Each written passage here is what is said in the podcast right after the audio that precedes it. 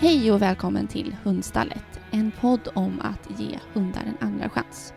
Jag heter Rika och jobbar som kommunikationsansvarig på Hundstallet. I det här avsnittet ska vi prata om djursamlare och vad det faktiskt innebär. Glöm inte att gilla podden och skriv en recension där du lyssnar för att vi ska kunna sprida den vidare. Tack! Då sätter vi igång.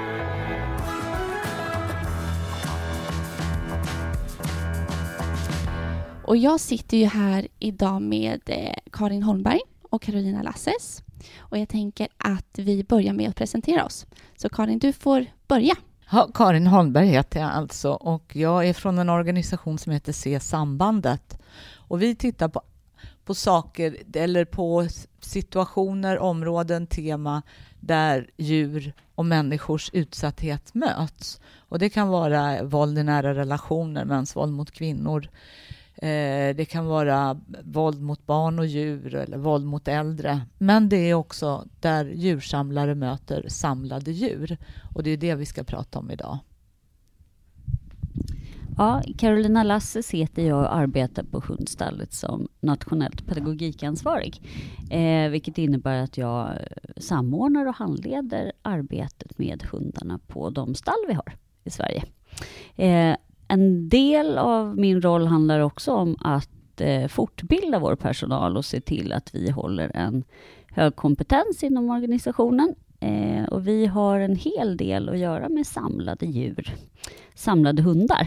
Eh, så det har varit en, en jätte viktig och bra grej att Karin har kommit och pratat med oss och breddat perspektivet och lärt oss mer om de eh, faktorer som ligger bakom djursamlande och samlande djur. Både så att vi kan möta dem ehm, av både människor och hundar eh, som vi möter. För det handlar ju om ett lidande eh, på flera håll och kanter på ett så bra sätt som möjligt. Och också hjälpa vår personal naturligtvis med de situationer som, som eller de erfarenheter man får från sådana här tillslag. För det är oftast väldigt jobbigt för alla. Mm. Jag tänker att vi börjar väl egentligen att definiera djursamlare. För att det känns som att en för, det känns inte som att det är jättemycket information om det alltid. Och en fördom kan vara just det här att ja, men det är kanske en jag tycker många gånger att det är en sån crazy cat lady, att det är en ensam kvinna som samlar på katter. Men så är det inte alltid. Vad, vad är en djursamlare? Det finns många olika definitioner eller olika djursamlare kan man säga. Eh, men den vanligaste djursamlaren är en äldre tant. Men många gånger när vi frågade Länsstyrelsen när vi gjorde en enkät så kunde de berätta att de har lika många kvinnor som män som djursamlare.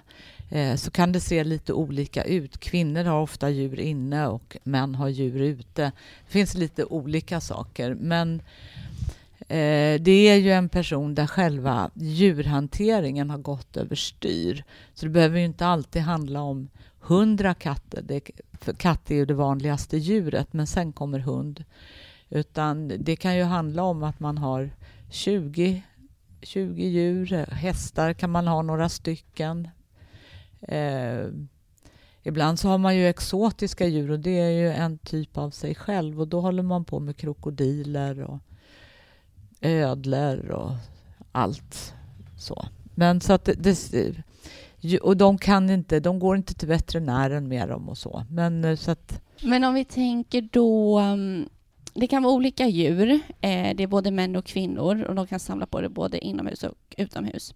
Men var går gränsen, tänker jag, från att det är... För det är ju många som har många djur, men där de ändå lever ett bra liv. Jag tänker kanske inte definiera som djursamlare.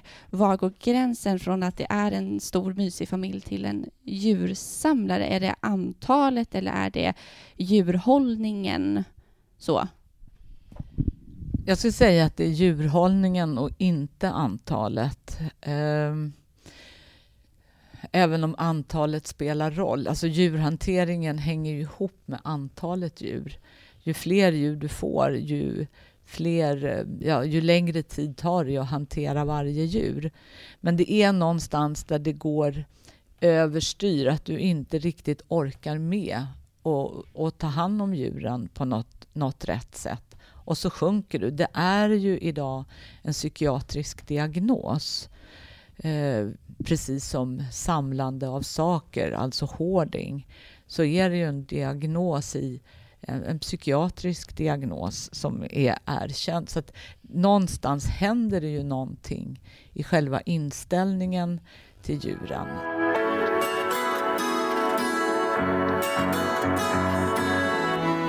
Eh, eh, Carolina, om vi ska gå in på, jag tänker till hundstallet och vår verksamhet.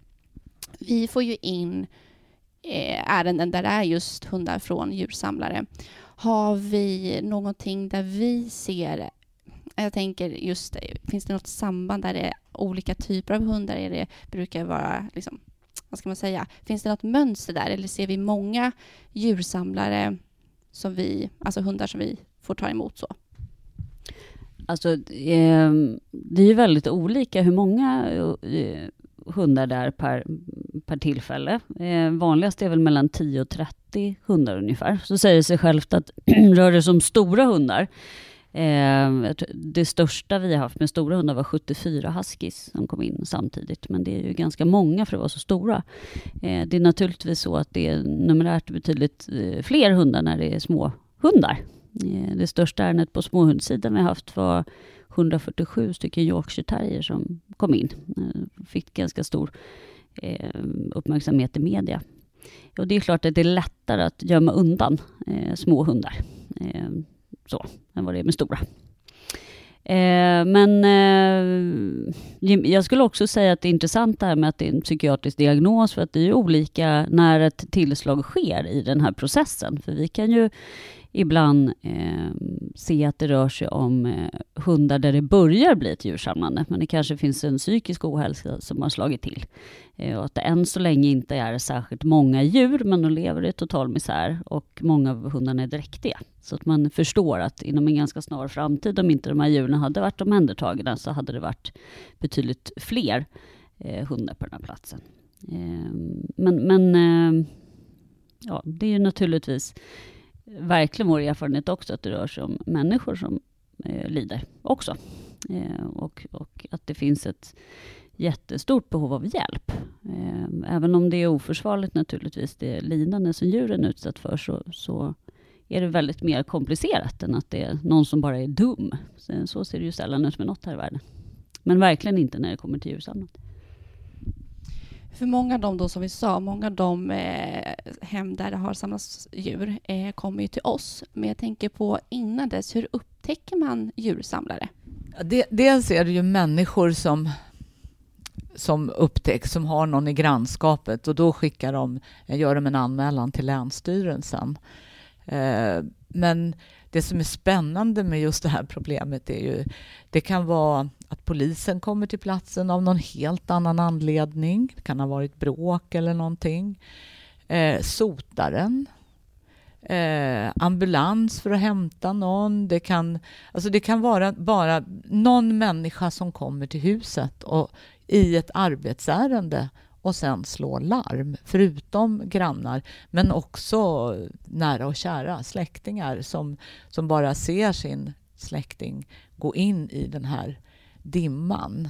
Och för en del, apropå det här när, när djursamlandet slår till, så kan det ju också vara en, en yttre faktor. Alltså, man har en förlust, någon har dött, man har kommer på obestånd och får dåligt om pengar och kan inte, allt det här kan inte rulla på. Så att det kan finnas en yttre orsak som tillsammans med den här psykiatriska diagnosen då blir ett reellt djursamlande. Eh, ja, sen kan man ha många, man kan ha fler diagnoser. Man pratar om samsjuklighet och då kan man ha ytterligare en psykiatrisk diagnos. Och när livet blir tufft, när man ställs inför de här extra utmaningarna som en förlust eller att man blir av med jobbet eller något innebär så går det överstyr. Och då är vi lite inne på varför man börjar samla på djur. Ehm, du nämnde tidigare just att det finns olika grupper. Eh, vill du berätta vilka de är? De heter den, första heter den överväldigade omsorgsgivaren eller den överväldigade. Och sen är det räddaren och sen är det exploatören. Mm. Och vad är det som, om vi går igenom varje var för sig, Mm. vad är det som kännetecknar de olika? Den här överväldigade kännetecknas av att det har ofta varit en person som har en fungerande hund eller katt eller smådjurshållning. Man kan ha haft uppfödning, man kan ha varit en proffsig kennel och hållit på och tävlat med sina hundar. Och, eller man har haft en fungerande hund, hundhållning i det här fallet. Då. Och sen händer någonting, en skilsmässa, ett dödsfall, man får ont, det blir ont om pengar i familjen eller så. Och så går allting överstyr. Och så blir det fler och fler eh, hundar. Och man vet, någonstans i magen så vet man att det här håller på, det här går överstyr. Men man har inte förmåga att, och ändra det. Ibland kan det till och med vara så att man tänker jag ska bara ta en kull till, en kull till. Och sen blir man inte av med hundar. Eh, och så sitter man där och så, ja, man tappar helt styrfarten helt enkelt. Och med dem, har de eh, lättare om man jämför med de andra två att, att få ta hjälp om det erbjuds? Eller hur? För de är på något sätt ändå medvetna som du säger att det är kanske ett, ett problem. Mm. Men är de mottagliga generellt sett att ta emot hjälp? De är, de är den grupp som är mest mottagliga att ta emot hjälp. Eh, och det handlar också om hur man bemöter dem, att man bemöter folk med respekt och, och så. Eh, och att man, man, man måste ju gå in och ta och reda ut och kastrera och omplacera och så. Men, men de är absolut den grupp som är lättast att ge stöd och hjälp. Och är det något djur som de specifikt brukar samla på? Man ska säga? Är det, du pratar om kullar. Är det då att de föder upp eh, hundar då, eller katter? De, de går inte och räddar nej, andra djur nej, så? Nej. nej, utan de, de har ofta en, en, en uppfödning eller nå, någon form av verksamhet som, som gått överstyr på något sätt. Eh, och det här är en grupp som man inte behöver åtala utan ofta går det att hjälpa till och reda ut saker och ting. Och sen har vi den andra, Räddaren. räddaren. Mm. Vad är det som kännetecknar dem? Där finns det ofta någon samsjuklighet. Alltså det, det kan finnas trauma i botten, psykisk sjukdom. Eh, de lever ofta, de behöver inte alls leva isolerat. Det finns ju de som lever i där, där den ena parten i en relation är en räddare.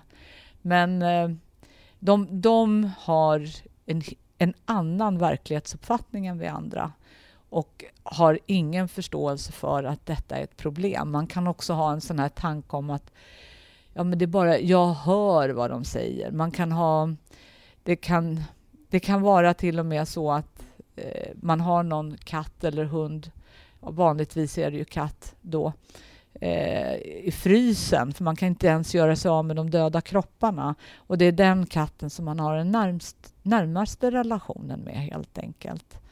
Så att där, där finns det he, helt andra problem och de är inte alls villiga att ta emot hjälp. De uppfattar det som eh, hot mot dem, och, mot dem och mot deras djur. Eh, ja. Skulle man kunna se det som att de då, från deras perspektiv, att de gör en god gärning, att de faktiskt hjälper de här djuren? Skulle man kunna... Absolut, de tycker att de hjälper djuren och de tycker att de har läget helt under kontroll. Även om det ligger döda och döende djur runt om i, i bostaden och det är en ammoniakhalt på grund av att de kissar inne eh, som är hälsovådlig. Så, så för dem har de läget under kontroll. Så att det, och då här, här behövs ju verkligen samverkan. Här behöver ju psykiatri, socialtjänst, alla behöver ju komma in och hjälpa till här. Eh, och man, här ska man ju inte, med den överväldigade kan man ju låta några, de kan oftast ha några hundar kvar när, när hela insatsen är gjord. De här kan inte ha några djur kvar. De kommer att börja samla igen. Där är återfallsrisken i princip 100 procent. Eh, och det här är också en grupp som ligger mer, mest i riskzonen för att kanske ta livet av sig när alla är borta. Och det bör man ju vara uppmärksam på. Skulle man, eh, för som vi sa då med grupp nummer ett där, att det är någonting som kan komma eh, senare, att det först fungerar och, är, och liksom är under kontroll men att det sedan då som sagt av olika skäl eh, urartar sig. I räddarens fall, är det någonting som brukar också komma med tiden just om det är psykisk ohälsa eller är det någonting som att de aldrig riktigt kanske ha, kan ha den relationen med djur eh, som är kontrollerad? Det är ju en jätte, jättebra fråga. Nej, jag, jag, tror att när de väl har kommit igång och börjat ha, ha djur så när, när, man tar ifrån de djuren så kommer de att skaffa sig nya. Och hur de kom in i det är nog en blandning mellan den, de här psykisk sjukdom och, och trauma. I en del fall så kan det ju vara så att det finns en del av dem som har utsatts för väldiga trauma. De eh, finner bara gemenskap tillsammans med djur, för, för människor är för plågsamma. Och det kan ju också gå överstyr, att man tror att, ja, men att man kommunicerar, att man känner sig trygg och, och man får utlopp för någon form av, av omsorg, fast den är ju helt snedvriden. Och vad är det för typ av hjälp de erbjuds då? För som sagt, om det är ett underliggande problem där så gissar jag på att det finns många olika typer av hjälp som man kan få. Idag erbjuds de ingen hjälp. Ingen. Nej, utan man åker in, tar livet av, ofta tar man livet av alla djuren. Eh, ibland på plats. Förstår du? Se sin, sina bästa vänner dö på plats. Eh, och sen åker man därifrån och sen kanske Länsstyrelsens djurskydd gör en, ett nytt hembesök om två år, tre år. Så det är inget, även om det är frivilligt så erbjuds ingen Ingen typ av hjälp? Så. Nej, alltså mm. om, om det, där känner ju Länsstyrelsen en väldig frustration för att även då om socialtjänsten eller de får ut psykiatrin så psykiatrin gör ju bara en insats om det föreligger ett akut, en akut självmordsrisk. Och gör det inte det och de inte är psykotiska, då åker de därifrån. När de har sagt nej. Och socialtjänsten, deras tjänster bygger också på frivillighet. Så Oftast får de inte dit någon, Länsstyrelsen alltså, men, men får de dit någon så kommer de åka dit och säga de vill inte ha hjälp och sen lämnas de åt sitt öde. Och det är ju hemskt. Mm. Det är jättehemskt, för både för djuren och för människan. Verkligen, och som du säger just det här med att det kan även ske på plats. Det är mm. såklart att det är en väldigt traumatisk ja. upplevelse ja. för alla inblandade. För alla. Jag. Ja. Också för, för, för djuren att se sina vänner dö. Mm. Det, det, det, ja, nej, det är plågsamt för mm. alla. Och just med den här gruppen, eh, är det olika typer av djur då? Det kan vara kan det vara att de ser ett djur på gatan och känner att det här djuret behöver jag rädda eller Finns Nej, ofta blir det så att de har några djur och sen så börjar de, eh, de parar sig fritt. Mm. Och så blir det bara fler och fler. Så. så det är vanligast med katter, där får du ju väldigt snabbt väldigt många. Men även hundar. Så. Mm. Och den tredje gruppen? Det är exploatören. Mm. Och, och, om de andra två grupperna ändå har en form av känslomässig relation till djur så har inte exploatören det. Utan exploatören eh, är mer en samlare i det här, jag kanske vill ha alla röda groddjur från Ostasien eller jag vill ha alla, de, de samlar mest exotiska djur. Eh, de, det finns någon som åkte fast som hade hur många krokodiler som helst i ett i ett litet skiffe i källaren i ett badkar som knappt var tillräckligt med vatten i och sen massor med ägg och alltså de, de, de, de håller på med exotiska djur. Men skulle du säga att de är mer, alltså att det är problem just för att de ser det som ett samlande, alltså att det inte är djuren i sig kanske just utan att det är för att samla samla något. Så kanske man kan säga, men, men att det är djur är säkert inte helt oviktigt för att en samlare som vi tänker oss samlare, de, de samlar ju alltså allt från skrot och trasiga stolsben till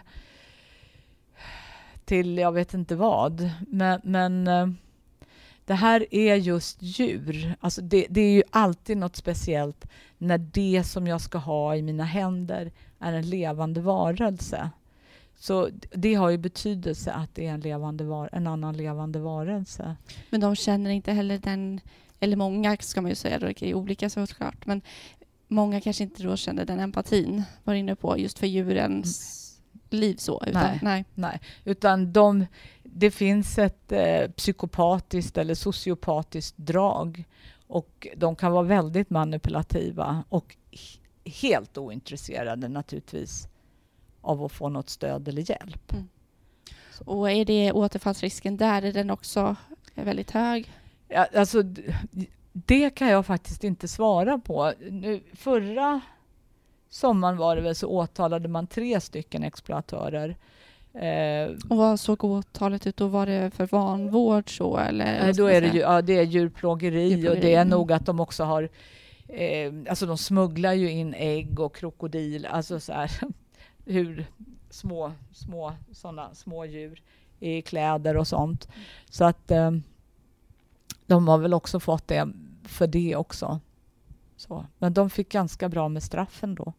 För jag tänker där är ett problem, eller ytterligare ett problem, jag tänker ju smittorisken. Ja. Om man smugglar in djur på det mm, sättet som mm. kanske inte finns i de andra två grupperna då. Det är klart, du kan, ju, du kan säkert få några sådana överförbara smittor även när, om du går i mycket urin och, och bajs och, och sånt mellan djur och människa. Mm. Men, men eh, självklart med den här gruppen är det naturligtvis jättestor risk. Finns det någon av de här grupperna som är kanske svårast att hantera, man ska säga, alltså svårast att hitta någon hjälp för? Ja, det är räddaren. Exploatören är ju bara, alltså, de ska bara in i fängelset. Det, det är liksom, de, de, de, är ju inte, de är inte på den nivån. Och jag, jag vet inte vem som, som skulle jobba med det. Men, men räddaren är svårast. Och har också så mycket med sig i bagaget. Det är så många som verkligen måste in där. Så. Mm. På ett helt annat sätt. Mm. Ja, och jag tänker där också som sagt att det är det här ändå känslomässiga bandet till, mm. kring djuret. Även mm. om levande som dött mm. så är ju det svårare kanske. Ja, det är svårare. Och att de har en sån, ja men ofta har olika andra psykiska sjukdomar så att man måste, man kan inte bara gå in och jobba med att de har eh, har djur utan, och har samlat djur, utan man måste också jobba parallellt med eh, deras psykiska ohälsa. Så att man måste jobba på flera nivåer samtidigt. Är det någon av de här tre grupperna som är eh, vanligast? Det tror jag inte man kan säga faktiskt. Det finns ju nästan ingen forskning om djursamlare och samlade djur, tyvärr. Så, så att, nej, det tror jag inte man kan säga. Jag tänker, där ser vi också eh, smuggelhundsproblematiken är ju någonting som, som är eh, ett jättestort problem idag.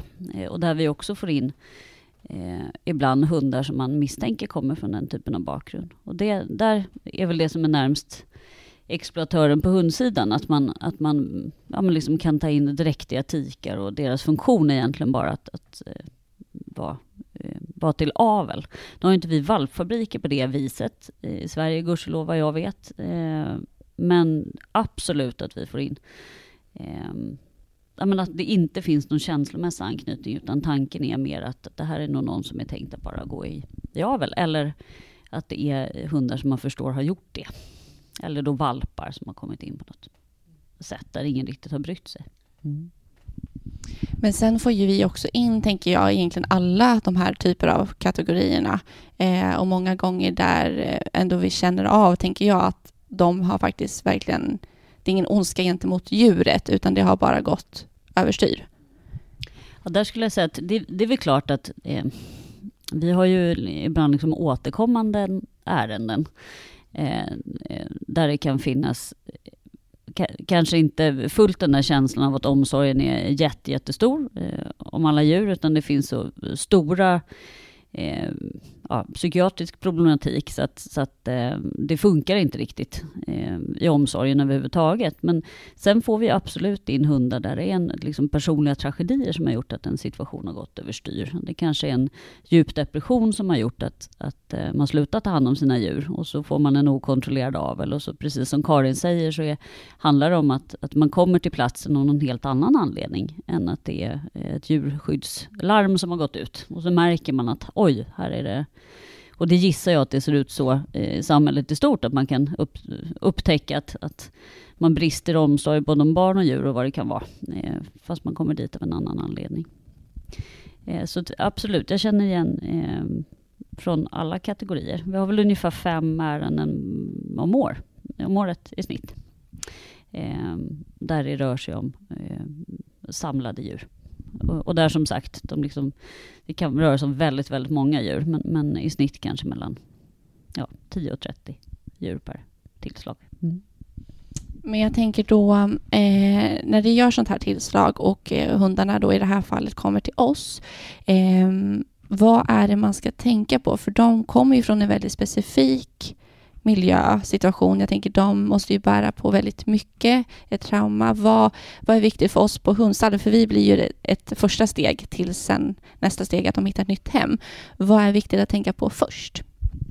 När det gäller traumatiserade djur, för många av de här är ju traumatiserade på olika sätt, även om det faktiskt finns djur som, som eller hundar som, som kommer ut ganska bra, som ändå har någonting med sig som gör att de funkar ganska bra så, så handlar det ju mycket om, all trauma handlar ju om att ja, bara få finnas, mat, värme, tryggt, ta det lugnt och att man hittar vilka ja, särskilda behov eller särskilda, vad, vad det är som är, är störigt och jobbigt för just dem. Det, ofta har de ju inte socialiserats alls, till exempel med människor. Um, vilket kan göra, vilket, vilket egentligen är jätteintressant, det kan göra att de eh, reagerar väldigt starkt på män. För många gånger då, eftersom det är kvinnor som är samlare, har de inte träffat män och då är de rädda för män för att de inte har träffat män. Vilket man, men inte rädda för kvinnor trots att de här kvinnorna ändå har behandlat dem ganska illa. Vilket är lite intressant. Eh, men man, man måste titta på vad är det de behöver helt enkelt. Och då behöver de socialiseras, man behöver se... Är de, en del är ju rädda för... för uh, ja, inte rädda för andra hundar, men de är aggressiva mot andra hundar. Man måste se hur de funkar helt enkelt.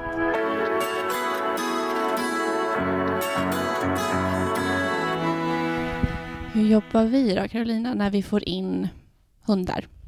Hur tänker vi? Alltså, nummer ett är ju att få landa efter. Ett sånt här tillslag är oftast väldigt traumatiskt. För att även om, det ska man ha klart för sig, både för djur och människa, att även om situationen är väldigt dålig på många olika sätt, så är det jättejobbigt att, att separeras från någonting som man är van vid. Eh, naturligtvis kan det vara jättetraumatiskt för den människa som blir av med sina djur, men även för djuren. Speciellt om det är djur som aldrig varit utanför tröskeln eh, kanske har suttit i bur i hela sitt liv. Och det, det blir naturligtvis en också väldigt stressig situation med mycket folk som kommer in då på en plats där det kanske aldrig varit besök. Eh, så det första och viktigaste när hundarna kommer hit är ju att se till att de landar i att de är trygga, att de är liksom tagna från det som var farligt och att det är lugnt här. Eh, ofta är det viktigt att eh, de får vara med andra hundar, skulle jag säga. Att man försöker bibehålla de anknytningar som finns inom gruppen. För att oftast är det ju så att de har starka relationer sinsemellan, hundarna. Även om de inte har så starka relationer till människor. Eh, naturligtvis så har ju vi alltid en, en liksom, ett ingångsvärde i alla relationer som vi försöker bygga upp här, att det är på hundens villkor, att vi tar det i deras takt och att vi väldigt liksom tänker på vad vi gör. Eh, vi utsätter inte djur för, vi tar det liksom i deras takt, vi håller inte på och går över deras gränser, utan finns det en stark rädsla så gör vi det vi kan för att närma oss väldigt, väldigt långsamt. Sen skulle jag säga att det som är viktigt är ofta att det finns eh, reträttområden, att man har möjlighet att gömma sig, att man kan känna sig trygg. Ehm, och att vi är väldigt tydliga med, vi har liksom fasta rutiner för grundläggande basala behov här. Och det skulle jag säga är superviktigt, att man vet att nu finns det vatten och det finns mat och jag får komma ut. Ehm, jag är ren, jag och så. Men sen är det också ofta djur som de första dagarna så måste vi åtgärda det som har framkommit på besiktningen. Ehm, eh, och det är ju liksom i samråd med Länsstyrelsen och det är ju ofta djur som har en väldigt eftersatt hälsa. Eh, mycket munsaneringar, tandproblem, eh, pälsvård är ju liksom klassiskt att man är ingen som har borstat pälsen och tvättat den på länge. Eh, det kan röra sig om väldigt, om det är liksom okontrollerad avel som har skett under lång tid, då kan det också finnas mycket inavelsproblematik. Alltså att det finns många hundar på platsen som är helt enkelt har en massa hälsobekymmer för att de är eh, ja, aveln har gått överstyr och gjort att man är sjuk. Eh, helt enkelt. Eh, näring naturligtvis. Ibland får vi in djur som inte har fått mat på länge. Och då är det väldigt... Eh, ja, då måste man tänka på hur man utfodrar de djuren i vilken takt och så. Eh, men jag skulle säga att eh, nej men, eh, tålamod och kärlek och tid och det där är kanske det allra viktigaste. Att man känner sig trygg så man kan sova. Att alla är snäll mot en. Att man aldrig behöver fundera på ifall man får mat och värme och, och vatten och allt eh, sånt. Och att man, har, att man inte separeras från sina hundkompisar. Det tänker vi även på omplaceringen. Att det här är hundar som ofta, om det går, gärna får behålla en kompis eh, från där de kommer ifrån. Men annars att det finns hund i familjen redan. För att eh, det är ett, ett, superbra hjälp för att våga också ta sig an världen. Att kunna titta på en annan hund som kan och vet hur livet funkar och haka på. Oftast är det betydligt viktigare än eh, att någon människa håller på och lockar och pockar. Skulle jag säga. Mm. För då kommer du in lite på mm, just det här med anknytning till eh, eh, den nya ägaren, eller till oss och till eh, ett annan ja, hund exempelvis. Eh, är det så att de har lättare att knyta sig an till en annan hund än en människa? Eller hur, Finns det något samband där man kan se senare relation mellan hund och människa? Ja, det som kan hända är ju att det blir en sån otrolig anknytning till en människa när de får en människa. Att det blir något som man kan kalla för hyperanknytning som gör att de har en väldigt stark separationsångest. Det finns hundar som... Eh, det räcker inte att familj, resten av familjen är hemma om den här anknytningspersonen, nu säger jag matte för enkelhetens skull, om matte går utanför dörren. För då, det blir fortfarande för stark separationsångest. Så matte får sluta handla, sluta lämna. För att det, det, man, man måste verkligen jobba med den här separationsångesten. Så det, det är väl nog det tydligaste som man kan se. Sen är det så, det, det, är så härligt att höra dig Carolina, för att det har gjorts mycket mindre forskning på, på hundar och man har inte nästan ja, inte alls tittat på det som man har tittat på katt eftersom katt är ju det helt klart vanligaste djuret. Eh, så där finns det mycket mer forskning att gå på. Märker vi på hundstallet någon skillnad? Jag tänker, eh, för vi blir ju någonstans den första kontakten efter Eh, det tidigare hemmet. Märker vi någon skillnad eh, när det kommer till hundskötarna? För de får ju, det blir den första kopplingen så till människor. Hur, hur tänker vi där? Märker vi av något så eller jobbar vi någonting? Det är otroligt individuellt det här med, precis som Karin var inne på tidigare, så en del hundar ser ut att klara sig alldeles eh, fina fisken. Det är inget större bekymmer. Och en del hundar har så stora utmaningar så att det är ett djurskyddsproblem. Det är väldigt svårt och man måste verkligen göra en avvägning mellan individkostnad och, och, den tid man tror att någonting ska ta. Hur stort är lidandet för hunden och liksom vad är prognosen? Ehm, så det är väldigt olika hur det ser ut. Ehm, det man kan säga här som är en fördel är ju att vi, nummer ett, så är alla snälla och mysiga här, vilket gör att eh, det går att, att försöka få in Eh, många relationer eh, sen finns det ibland behov av att det inte ska vara för många relationer för att man ska klara av att hinna anknyta. Eh, som jag var inne på det här med förutsägbarhet och sånt. Finns det en stark rädsla för människor så är det såklart att vi gör det vi kan för att det inte ska vara nya personer hela tiden. Men det kan också finnas en poäng med att det inte bara är en hundskötare av den här anledningen. Att vi vill bygga upp sunda relationer och en hyperanknytning är inte en sund relation utan det är ett känslomässigt beroende som inte hjälper hunden. Eh, och så kan det definitivt vara med en annan hund också. Vi har hundar in ibland som man får rasta eh, samtidigt, men där vi också på sikt försöker lösa upp det och vidga vyn och hitta då kanske en, en, en tredje hund som man får knyta an till i sin takt och upptäcka världen med. Så jag skulle säga att vi jobbar på många olika sätt genom att eh, ja, men vidga vyerna och ge de här eh, hundarna en större liksom, känslomässig repertoar, eller vad jag ska säga. Eh, också med att väcka nyfikenhet och, och undersökande. Men det handlar ju mycket om att våga öppna upp i den där bubblan man kanske befinner sig i när allt har varit väldigt läskigt och, och världen har varit väldigt liten. Så behöver det ju, ja, man behöver arbeta pö och pö med att, att upptäcka världen. Man kan inte pressa en sån hund ska man ju sällan göra ändå, men verkligen inte de här hundarna, utan i deras takt. Ehm, så jag skulle säga att det finns en stor medvetenhet kring att det kan bli Eh, ett problem eh, med att man blir lite för nära eh, en människa och att vi eh, när vi omplacerar en sån hund där det finns en sån risk så är det helt klart så att det finns en fördel tycker jag att det finns många anknytningspersoner i det nya hemmet. Eh, så. Men det är väldigt, det är väldigt individuellt. Ska jag säga. Mm. Och det är det som är också väldigt bra just med vår verksamhet att vi har ju den möjligheten att vi umgås med dem varje dag eh, och lär känna dem och att vi inte heller alltid har så bråttom att omplacera dem utan att vi faktiskt har den tiden att lära känna dem och att de lite får landa så innan de kommer till nya hem.